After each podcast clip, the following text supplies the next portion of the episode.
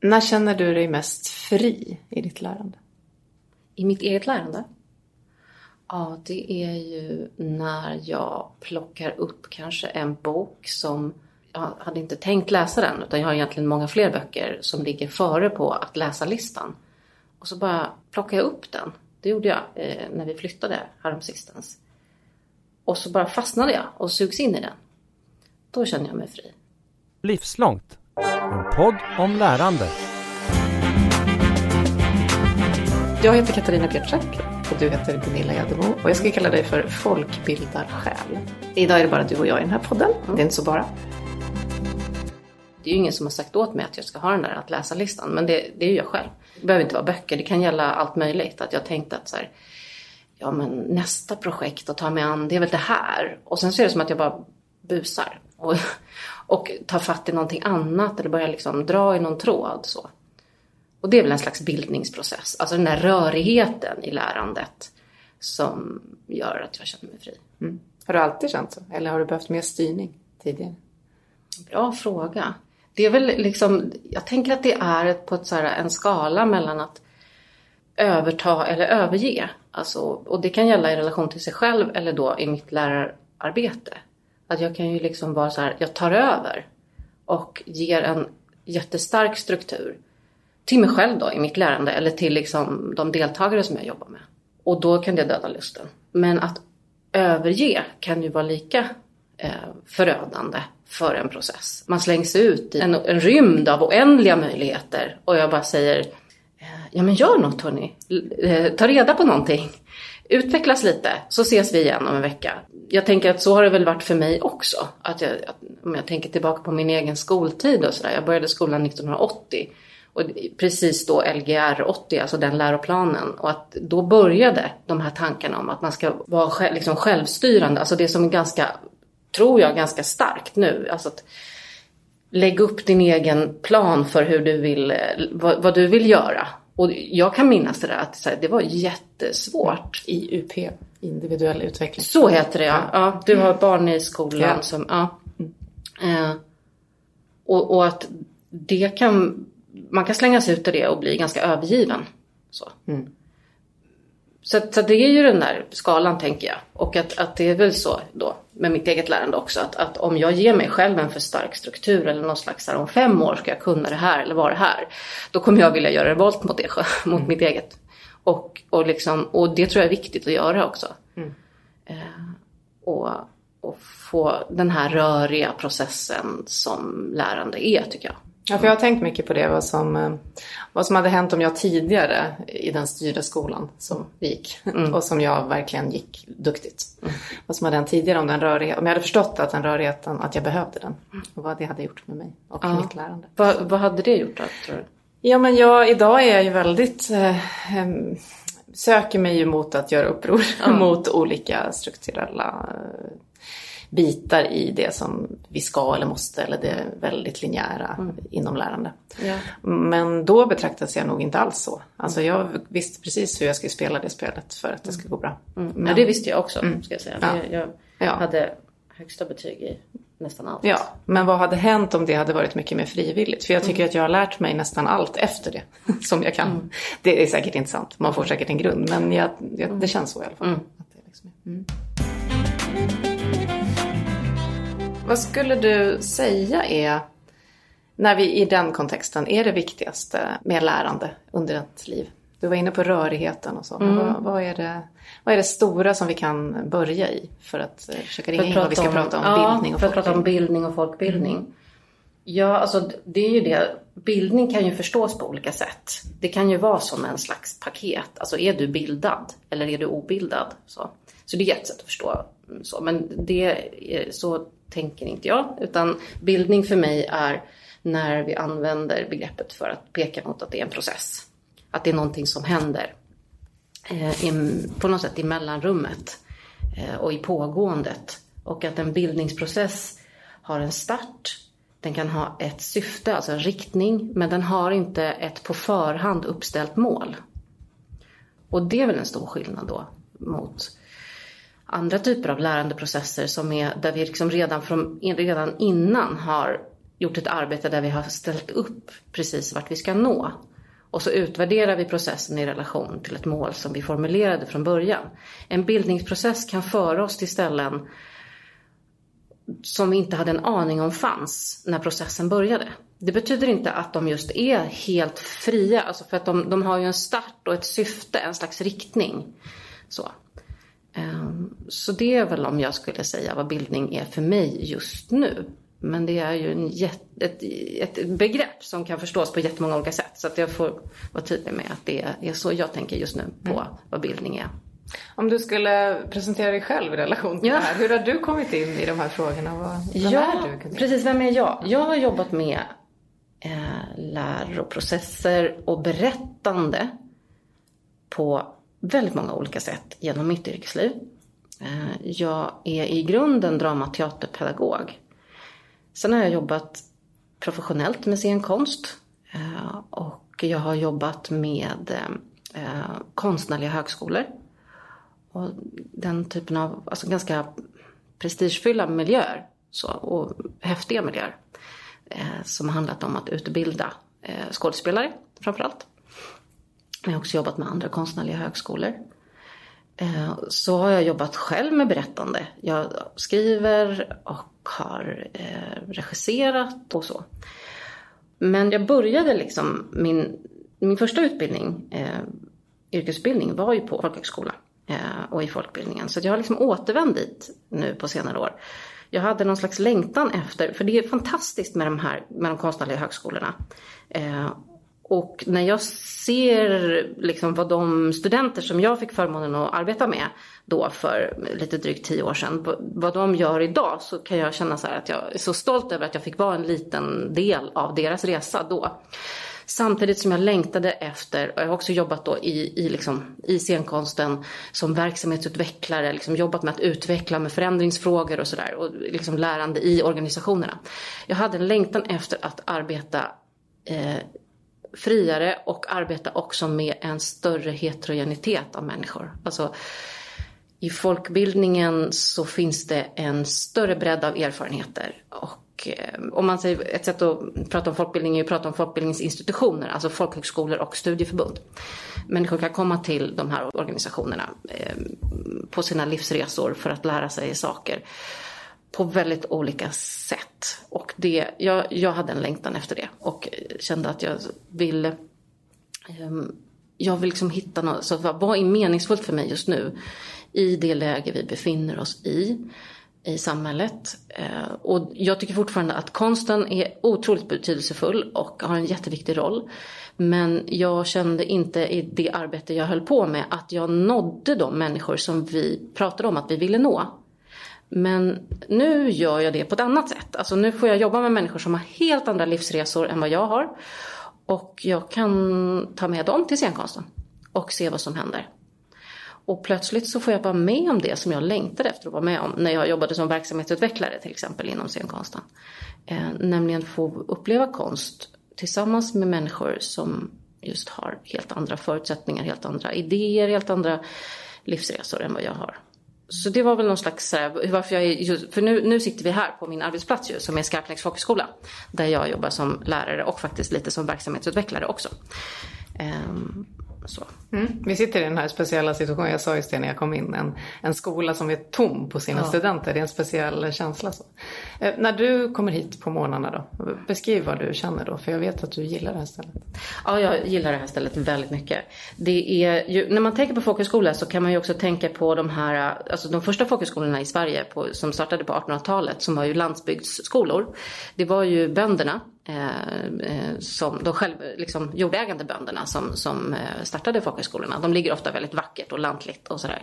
Med utsikt kanske över en sjö eller till och med över, eh, över havet. Eh, så ser det inte riktigt ut här. Vi är i Skarpnäck i ett industriområde i, eh, på ett, vånings, ett tvåvåningsplan i en eh, en byggnad som härbärgerar lite alla möjliga eh, olika verksamheter. Eh, som sysslar med helt andra saker. Eh, men vi tittar ut över en liten skogsdunge men vi hör också eh, motorvägen eh, och vi ser liksom olika baracker härifrån.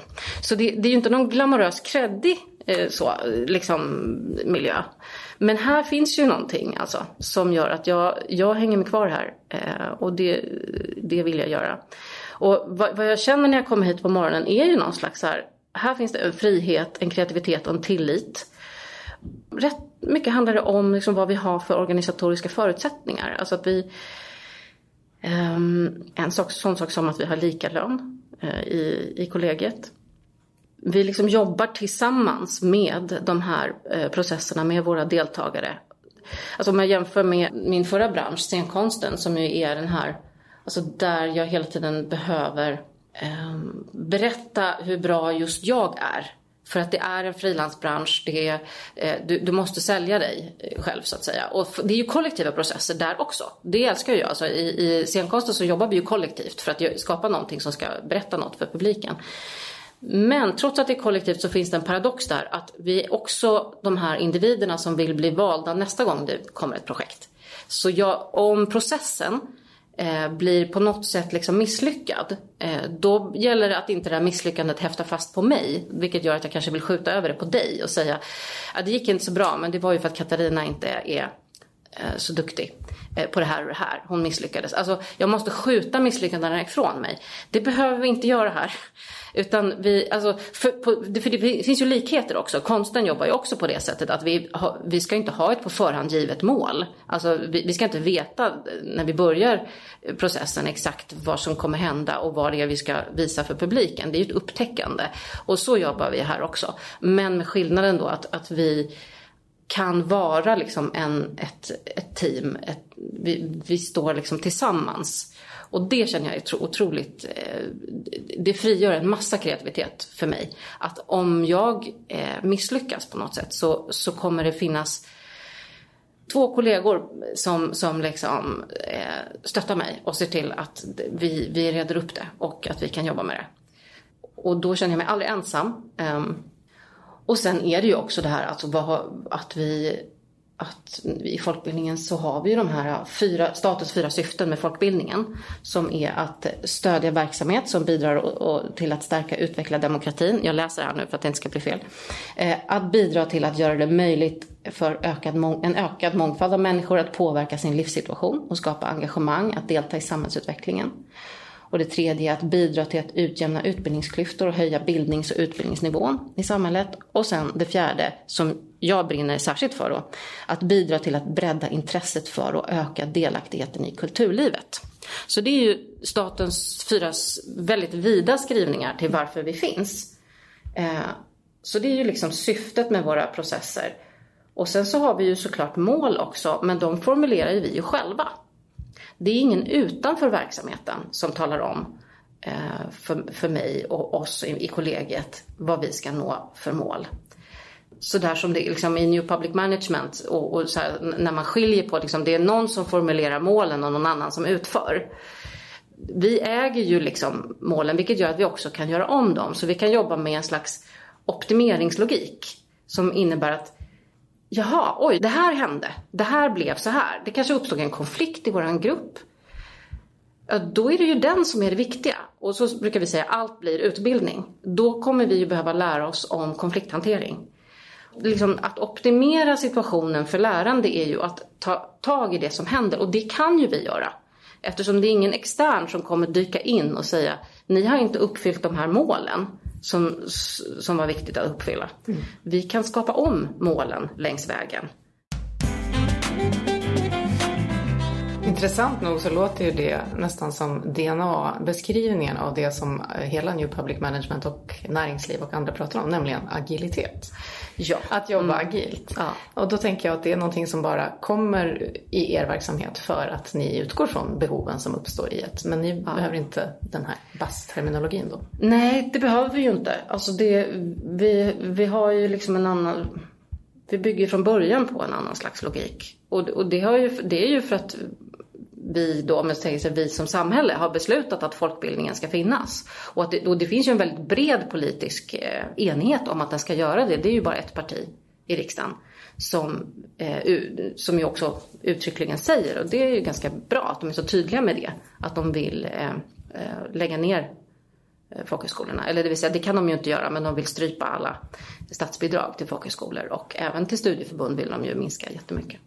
Så, men annars så finns det en väldigt bred politisk enighet om att vi ska ha det här utrymmet i samhället som har en, en annan typ av logik när det kommer till, till lärande. Sen ska, jag inte, sen ska jag inte säga att folkbildning, alla folkbildningsinstitutioner är liksom um, opåverkade av, av eh, New Public Management. Och liksom en, en, det, det, finns ju också de studieförbund och, och folkhögskolor som faktiskt alltså, närmar sig det. Eh, alltså den här logiken som är eh, att ja, men målstyrning och liksom, eh, kvantifiering hela tiden och så.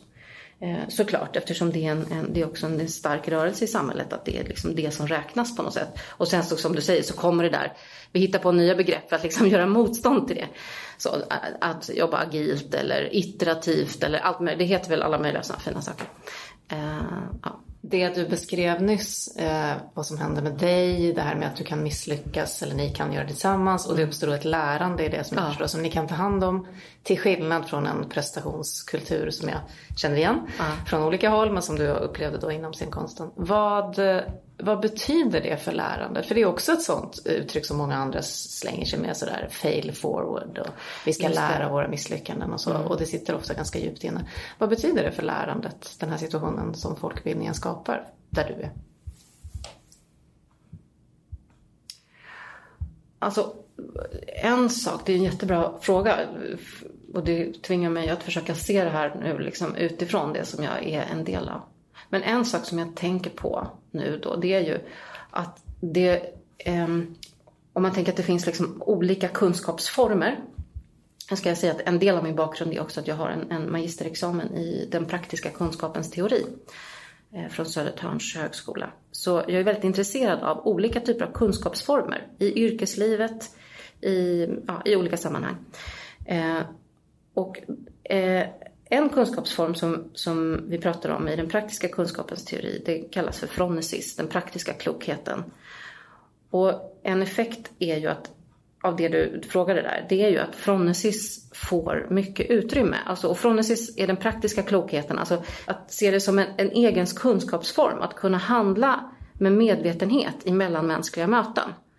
Eh, att kunna handla klokt och medvetet eh, i, i kanske konfliktfyllda situationer. Man skulle också kunna formulera det kanske lite som eh, det här Gandhis mest kända citat, alltså be the change you want to see in the world. Alltså, det är ju lätt att säga, men hur gör jag det? Hur förkroppsligar jag det jag står för? För det är ju lätt att, att liksom skriva under kanske på ett policydokument om jämlikhet. Men hur gör jag jämlikhet i mitt yrkesliv? Det kan vi eh, uppehålla oss vid. Eh, så, därför att då blir det ju en jättevärdefull situation att vårt samarbete bryter samman i en deltagargrupp eller för den delen i, i vårt kollegium. För då stannar vi upp och undersöker det och ser vad, vi, vad, vad kan vi lära oss av det här som händer nu.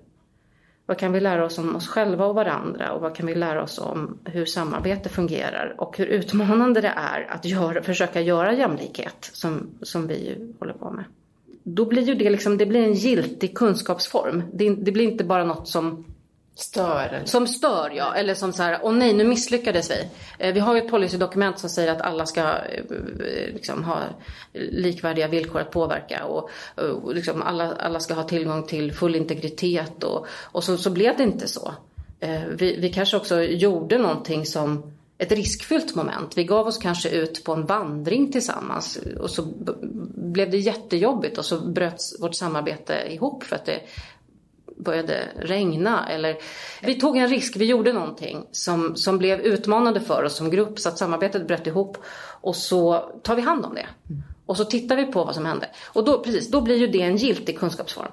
I andra utbildningssituationer så tänker jag att det, då, det finns inte den förutsättningen. Alltså då, då blir det då blir mer, alltså de andra kunskapsformerna mycket viktigare. Alltså det som vi kallar för episteme, eller epistemisk kunskap, alltså den faktan, eh, det här, det som är liksom sant eller falskt, alltså det, eh, det som vi kan på något sätt lära oss innan till.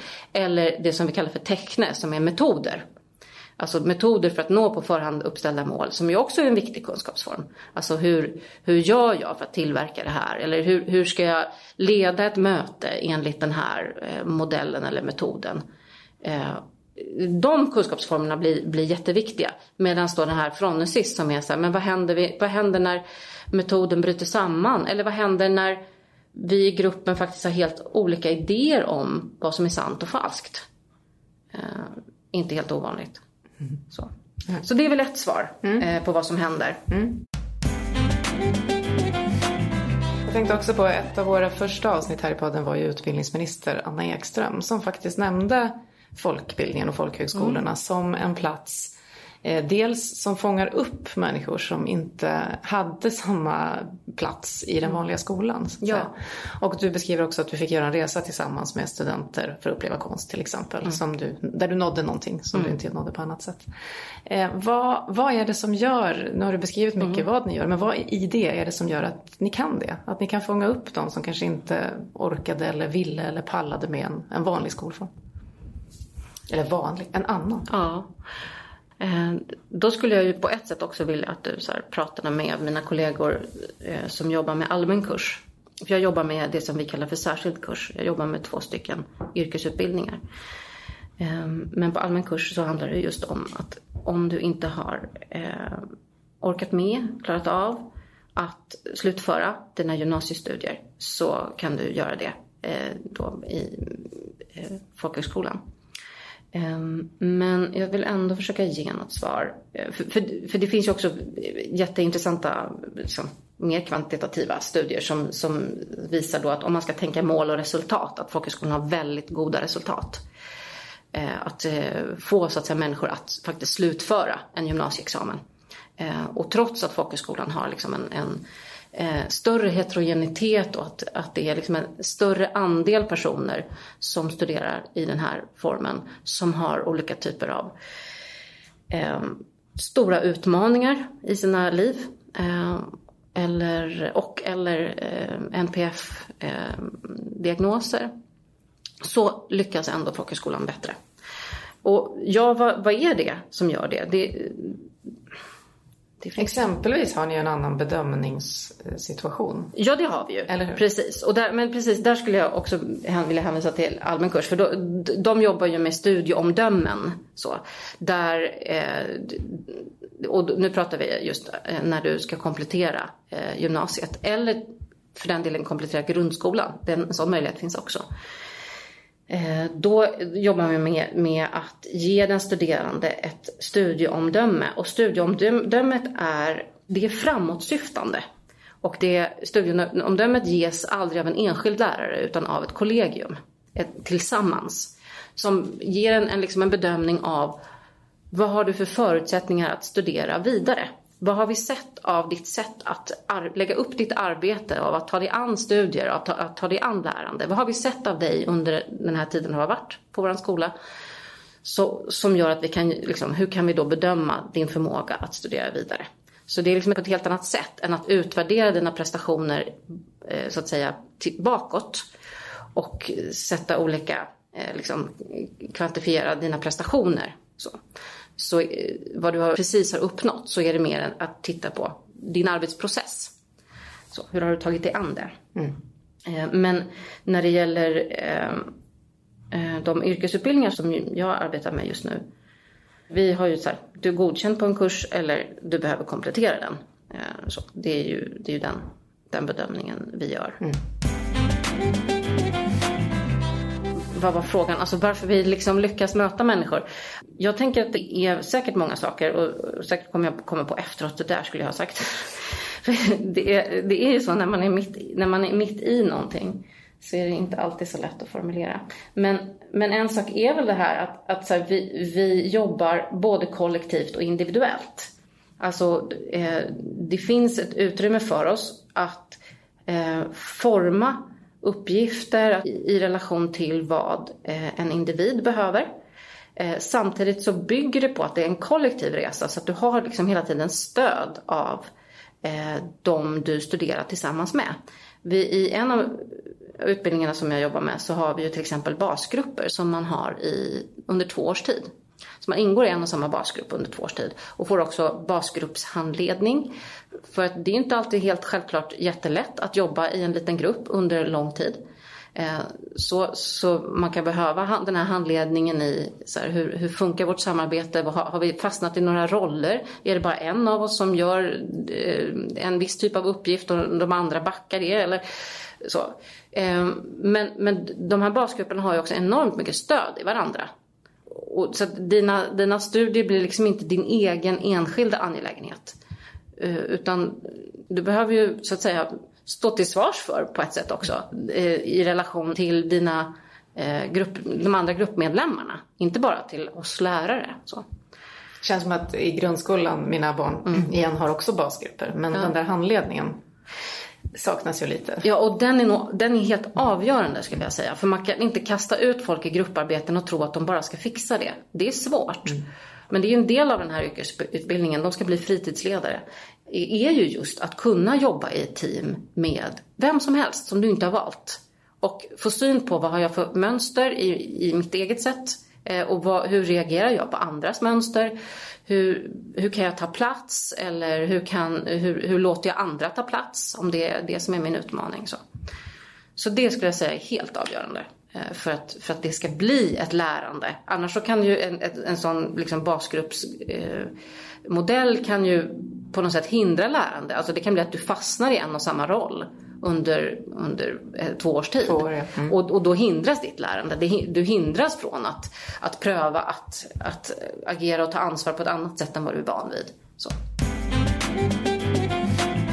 Du sa förut också det du sökte någonting mer meningsfullt i den tid vi lever i. Och ja. det är någonting som vi pratar mycket om. Vi pratar dels om olika kunskapsformer och lärande institutioners plats i ett helt mm. system. Och nu har du väldigt väl beskrivit ert. Mm. Jag vet inte vad du skulle lägga för metafor på er plats i systemet. Men också vad det är som gör att den platsen är så viktig i den här. Vi pratar ju om transformation och det är rörigt och det är globala utmaningar. Det är komplext. Favoritord i våra kretsar. Um, vad, vad, tror du det gör, är det som gör att det här är en så viktig form just nu? För folkbildningen är ju 200 år? Ja, ja, det är den ju. Ja. Um, alltså, jag, jag, tänker på att en, en, hel del handlar om, om det som var startpunkterna, alltså att, att utveckla demokratin.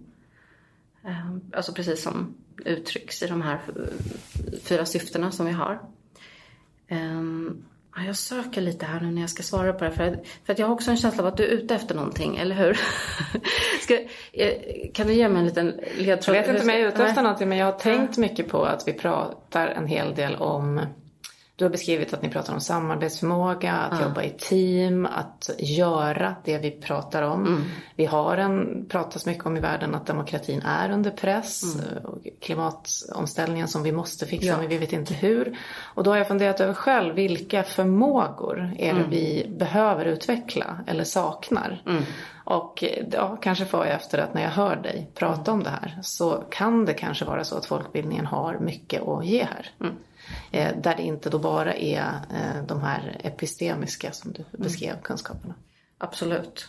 Det tänker jag på. Och jag tänker på också den här, den heter ju Livslångt, eh, podden. Mm. Och så tänker jag på så begreppet livslångt lärande som jag vet att ni har vänt och vridit på i några avsnitt tidigare. Och att ett sätt att se på livslångt lärande är ju det där att det på något sätt är till för att hela tiden öka tillväxten. Alltså att, att människor ska hela tiden vara benägna och beredda att uppfinna sig själva på nytt eh, genom hela livet. Beroende på vad som efterfrågas, alltså hur, hur, vad, vad samhället behöver av dem. Eh, men att ett annat sätt att se på livslångt lärande som, som ju då blir ett mer bildningsbetonat eh, sätt är ju att, att här, du, ska kunna, alltså, du ska kunna ha din egen kompass. Eh, du ska kunna ha det där samtalet med dig själv. Alltså om jag, om jag tänker filosofiskt, alltså det, Hanna Arendt och andra här, som har betonat det där tänkandet som en praktik. Alltså att demokratin behöver människor som tänker och reflekterar. Så, och, och det ger ju eh, folkbildningen ett rum för att utveckla eh, det, eh, det där liksom, te, eh, samtalet som du behöver ha med dig själv och med andra hela tiden. Alltså när det inte är en press på att det ska vara eh, det ska leda till något liksom, som vi redan på förhand har bestämt och som ska ingå i samhällsmaskineriet liksom, och vara liksom, lönsamt och eh, ge på något sätt någon typ av avkastning. Eh, jag menar, det behövs ju också, men, men att, att folkbildningen finns som ett, ett sånt rum eh, tänker jag är helt avgörande för, eh, Eh, för demokratin.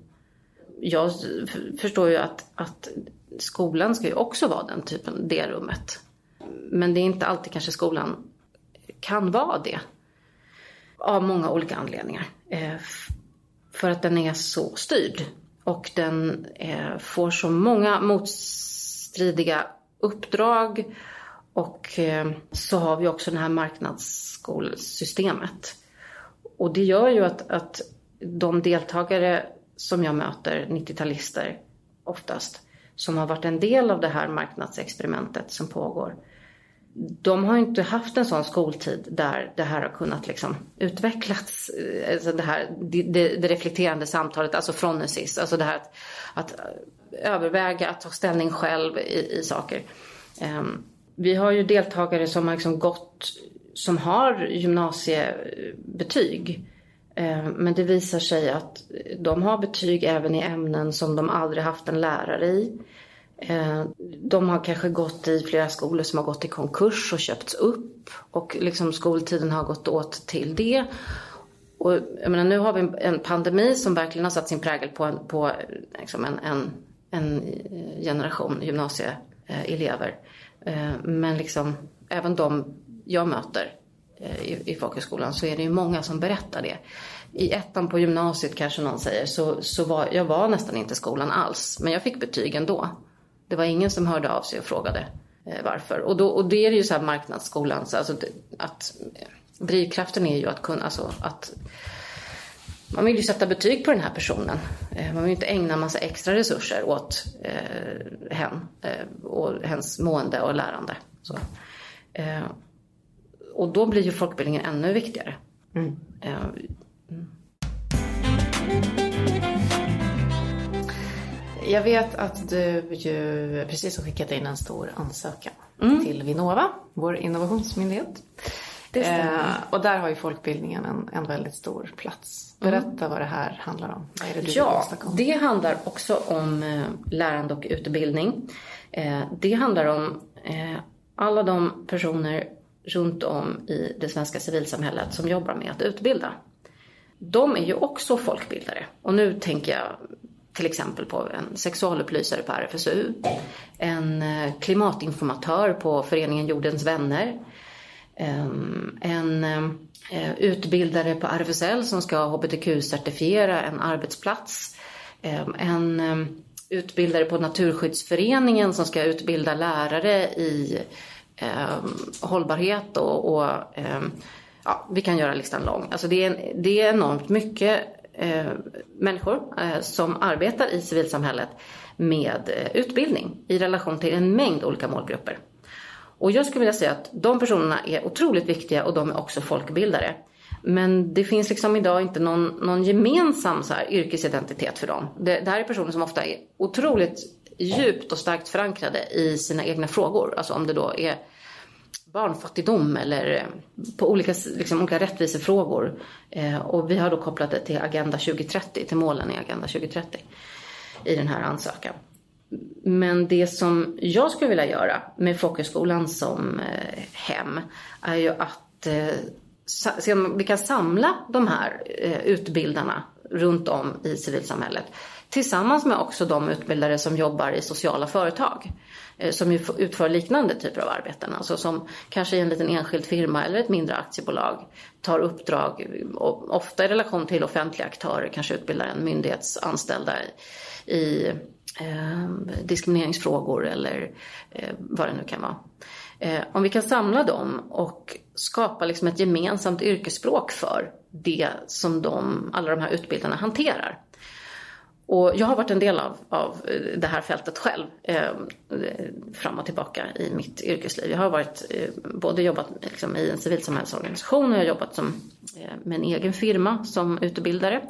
Eh, och ofta då i jämlikhetsfrågor. Eh, och jag tror att eh, den här gruppen utbildare, dels att de är jätteviktiga för där vi befinner oss och för att vi ska kunna eh, röra oss i riktning mot de här globala målen.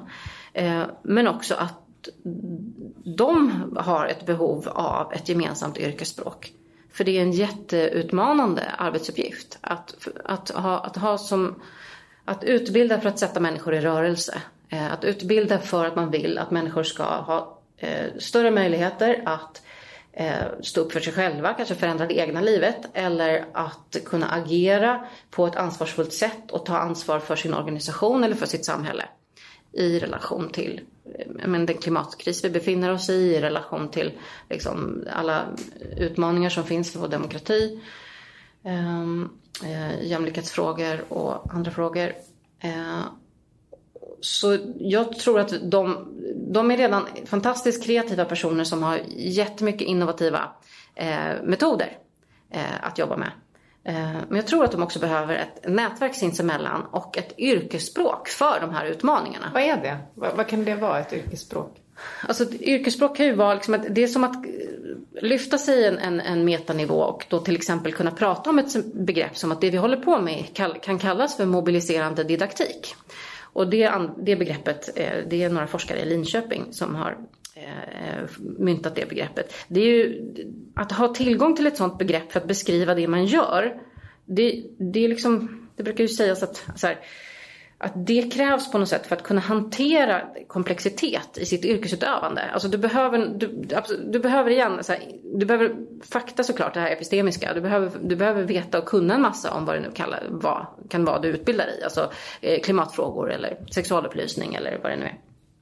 Du behöver också ha de här innovativa metoderna och det är ju inte problemet för det är, i civilsamhället har vi enormt kreativa utbildare.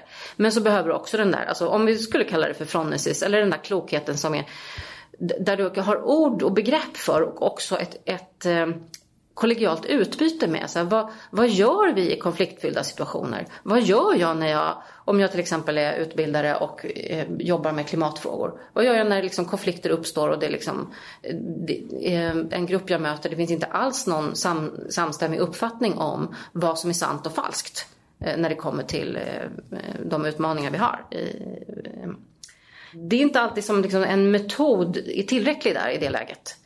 Utan det kan vara så utmanande situationer att man, alltså, att man behöver så här, agera klokt och professionellt eh, och situationsbundet. Liksom, alltså det, det, går inte att översätta. Det går inte att säga så här, ja men händer det här så ska du alltid göra så här. För det beror på en mängd olika saker. Och det är väl det som då är den här praktiska klokheten och för att kom, komma dit som yrkesgrupp. Det, det, här, det här är ju liksom en, en, konst på något sätt som har en, en lång historia. Eh, om man tänker liksom, folkrörelserna kring förra sekelskiftet. Eh, och, alltså, att utbildning har varit liksom en del av folkrörelserna det är ju Ehm, det är där folkbildningen kommer ur på något sätt. Om vi tänker oss alltså en Elise Ottesen Jensen som startade RFSU på 1930-talet och åkte runt i Sverige ju för att, alltså, för att utbildning, att mobilisera människor, att kunna få möjlighet att liksom, ta ansvar för sitt eget liv eh, på ett nytt sätt. Och att, liksom, att det är också ett sätt att liksom, påverka hela samhället. Eh, en, en lång och, och, och, och liksom inte spikrak väg på något sätt. Men ju väldigt framgångsrik om vi ser på liksom, eh, aborträttigheter, pre, preventivmedel och liksom allt det där som hon eh, kämpade för. Eh, och hon var ju liksom, det var ju mobiliserande didaktik. Hon stod ju där i föreläsningssalarna, eh, åkte runt i sin lilla bil liksom, och mötte en massa människor i Sverige. Så om vi återvänder till den här frågan eh, som jag bara gick förbi lite snyggt. Men om du ger någon metafor till vem folkbildningen är då framåt i det här samhället? Jag kan testa en metafor då som jag lånar. Den har jag inte kommit på själv. Utan den, den eh, finns i en antologi eh, som de här forskarna i Linköping som jag refererade till har gett ut. Som, som handlar just om mobiliserande didaktik. Och eh, då beskriver de så här, eh, utbildningsinsatser som just har som, som idé att, så här, att sätta människor i rörelse. Eh, det är lite som eh, att spela biljard. Du liksom skickar iväg den här vita bollen mot den här snygga triangeln.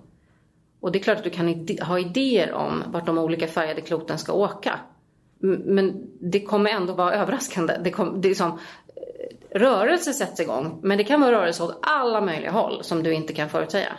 Kanske har folkbildningen också så en, en, sån, en sån roll också. Att så här, det, det, sätta människor i rörelse, men idén är inte att vi ska förutsäga exakt åt, åt, på vilket sätt och, och åt vilket håll. Och det, det är såklart att liksom, det är frustrerande om man mer jobbar i en sån målstyrd logik. Man vill, man vill, då vill man också sätta människor i rörelse, men man ska, vill på förhand säga vart de ska hamna. Vilka bollar ska åka åt vilket håll och vart ska de ner? Man ska kunna liksom, utvärdera det och också mäta det.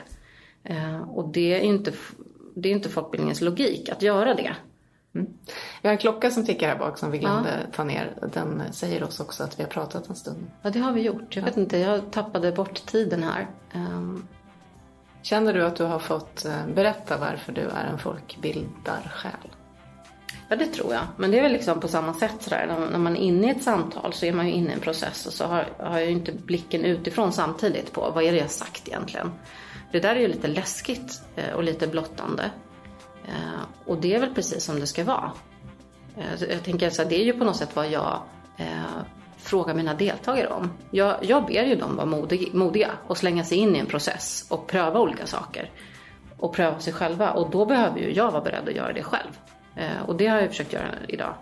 Eh, ja, nej men jag vet inte. Men det var väldigt eh, roligt att prata. Jag är jätteglad att du tog risk och var modig här hos oss. Stort tack för det. Tack. Gunilla Edebo. Du har just hört Livslångt, en podd från RISE om allt det där man lär sig i livet. Vi hörs om en vecka igen.